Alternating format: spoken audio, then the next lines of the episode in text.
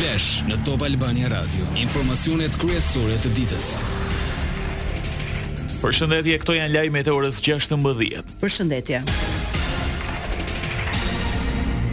E nisim këtë edicion qendror informativ me ngjarjen tronditëse në Shënavlash të Durrësit ku një 19 vjeçare dyshohet se vrau e groposi të atin 50 vjeç i zhdukur prej ditësh. E shoqëruar nga uniformat blu Hygerta Meta, e cila ndjek studimet e larta, u rikthye në vendin e krimit. Ajo u shpreh se nuk kishte rrugëdalje dhe se mori pistoletën duke e qëlluar katër herë babanë në kasollën e bagëtive. Gjithçka e bëra vetë, armën e hodha buzë detit, për gjithçka vendoste babai, nuk na pyeste kurrë. Ishin disa prej fjalëve të Hygertës. Ka dyshime se e gjithë familja është përfshirë në krim, por se vajza e viktimës vendosi të pranojë autorësinë. Katër plumba pistolete i morën jetën pesëdhjetë vjeçarit Pëllumb Meta. Për ngjarjen janë pyetur edhe e ëma dhe dy vëllezërit, të cilët thanë se krimin e kreu Hygerta e se nuk kishin dijeni. Mësohet se policia e Durrësit nuk e beson versionin e Hygerta Metës, as se veproi e vetme dhe as për armën që e hodhi në det. Por iu gjetën faktorë plotësues në duar, çka nënkupton se qitjen e bëri vajza që kundërshtonte vendimin e të atit për ta martuar pa dëshirë. Më trembëdhjetë shkurt, një prej djemve të viktimës nga fshati Shënavlash denoncoi në polici se babai i tij është larguar nga banesa dhe kanë humbur kontaktet. Më shtatëmbëdhjetë shkurt u gjet automjeti i pesëdhjetë vjeçarit i parkuar në aksin Shënavlash-Sektori Rinia. Nga hetimet u zbulua se Pëllumb Meta ishte vrarë në banesën e tij. Grupi i posaçëm hetimor po vijon hetime të thelluara për të identifikuar dhe vënë para përgjegjësisë ligjore shtetas të tjerë të implikuar në këtë ngjarje. Trupi i Pëllumb Metës u zhvarros dhe u dërgua në Institutin e Mjekësisë Ligjore për ekspertizë. Materialet procedurale i kaluan Prokurorisë Durrës për veprime të mëtejshme. Top Albania Radio.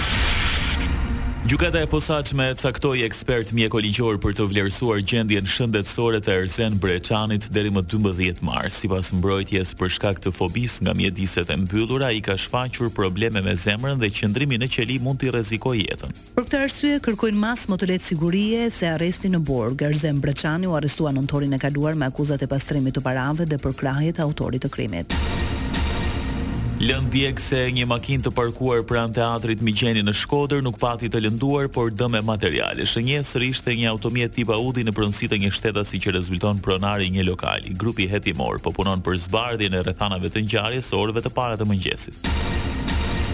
Blegtorë të Konispolit, Delvinës, Himarës, Finishit, Gjirokastrës, Tepelenës, Libohovës, Përmetit dhe Këlcyrës protestuan sërish për kërkesat ende të pazgjidhura. Sot u mblodhën tek ura e Gajdarit në hyrje të Sarandës për të përsëritur pikat që kërkojnë t'u plotësohen nga Ministria e Bujqësisë. Kërkojmë vlerën e qumështit të çohet dy mijë lekë, kërkojmë subvencionime, janë kullotat, janë pa sortuar. Janë lera, veprat ujore, janë pa sortuar.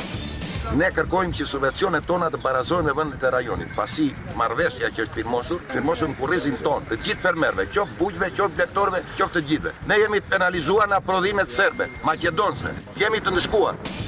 Ne kërkojmë kuotat në treg sepse shteti është ai që e bën tregun. Kërkojmë dhe subvencionet të venë diku te njëzet e pesë mijë lekë shqiptare.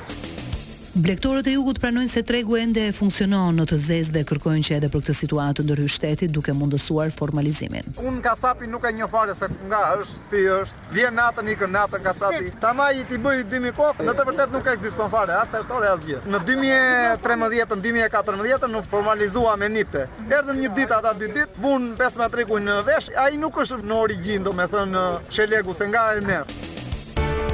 Lajme nga rajoni.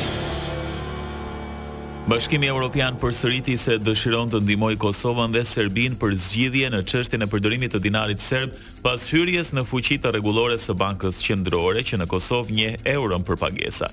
Qëndrimin e shprehu zëdhënësi Peter Stano, i cili shmangu detajet rreth një takimi të thirrur javën e ardhshme në Bruksel për këtë çështje. Më herët sot presidentja Vjosa Osmani tha se çështja e dinarit mund të zgjidhet brenda në Kosovë, duke theksuar se nuk duhej që të shkaktonte përplasje me aleatët. Ndërkaq, kryenegociatori i Kosovës, Besnik Bislimi konfirmoi një ftesë nga Bashkimi Evropian për një takim mbi çështjen e dinarit, por ai vetë nuk do të marrë pjesë. Nuk dihet kush do të përfaqësojë Prishtinën. Lajme nga bota.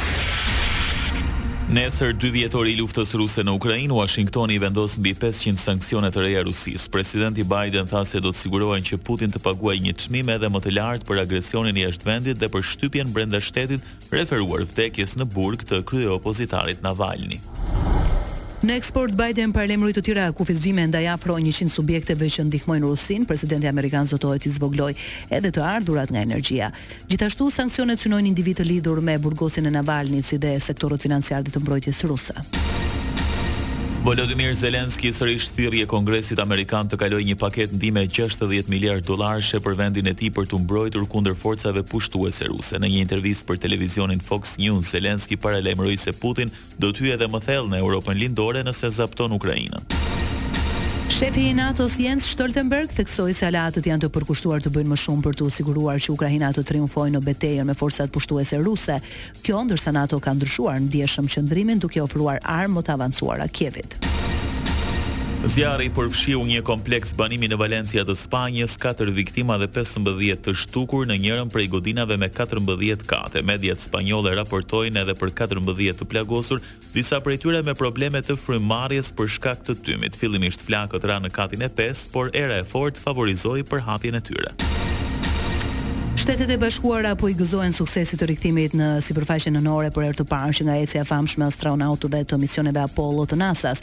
Kompania Intuitive Machines bëhet e para sipërmarrje private që kryen me sukses një ulje në hënë arritje e realizuar nga vetëm pesë shtete. Sport. Në Nion të Zvicrës sot u hodh shorti i një të tetave të Europa Ligës, dy futbollistët shqiptarë, Qazim Laçi dhe Indrit Tuci, të cilët aktivizohen me Spartën e Pragës, do të përballen me Liverpoolin. Ndërkohë, Redon Xhixha pjesë e Karabakut të Azerbajxhanit do të luajë kundër Leverkusenit, ndërsa kapiteni Berat Gjimshiti me Atalantën përballë Sportingut të Lisbonës.